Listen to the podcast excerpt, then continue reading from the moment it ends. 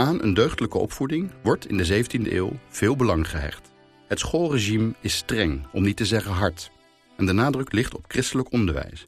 Met alle geloofsregels die daarbij horen.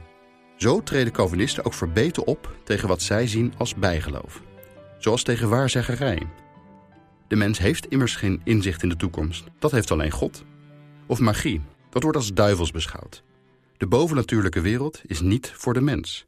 De grenzen tussen deze zondige wereld en de eeuwige spirituele wereld moeten strikt gescheiden blijven. Om die reden bestaan er volgens de Calvinisten ook geen heiligen, geen wonderen, geen mirakelen.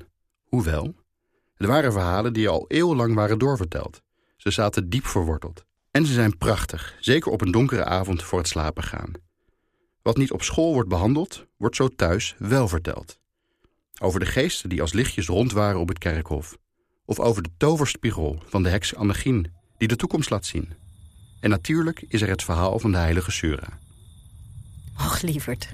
Oké, nog één verhaaltje dan. Maar, dan echt slapen, hè?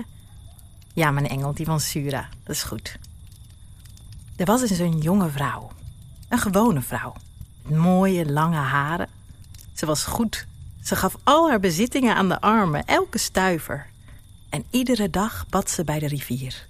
Op een dag scheen de zon anders dan normaal. Ze keek in het water en er verscheen een engel. Die gaf haar een opdracht. Bouw een kerk voor de heilige maagd Maria. De engel ging weer weg. Sura keek in haar buideltje. Hoe moest ze dat doen? Ze had slechts drie muntstukken over. De rest had ze weggegeven.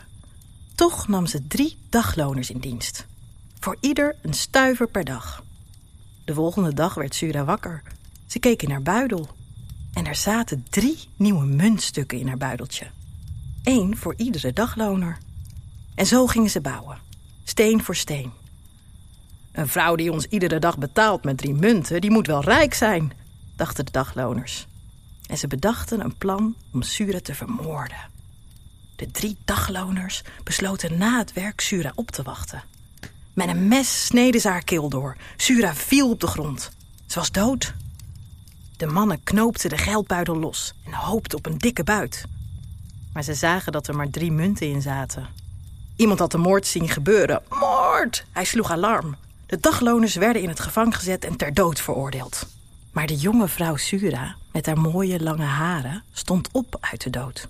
Ze bezocht haar moordenaars in de gevangenis. Ze geloofde haar niet. Maar Sura liet hun haar snijwond in haar hals zien. De dagloners toonden meteen berouw en vroegen haar om vergeving. Op voorwaarde dat de drie dagloners gingen biechten bij de paus... vergaf Sura de gruwelijke daad die ze hadden begaan. En de paus schonk de drie moordenaars absolutie en geld... zodat de kerk steen voor steen alsnog kon worden gebouwd. En dat is de kerk hier, lieverd. En nu slapen. Je bent al aan het gapen.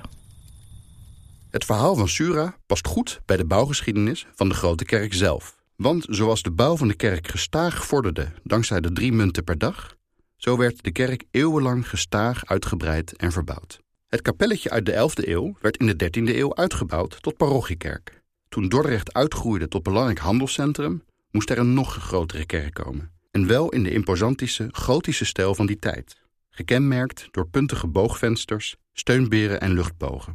Dit alles zorgt ervoor dat de muren geen gewicht hoeven te dragen. In plaats van steen komt er glas. Door de gigantische glas- in loodramen valt Gods licht de kerk binnen. Een voorproefje van de hemel zelf. Na de stadsbrand van 1457 werd de kerk herbouwd, net weer iets groter. Een dikke eeuw later werd deze protestants. Het bleef de trots van de stad, maar soberder. Alleen de toren was een probleem.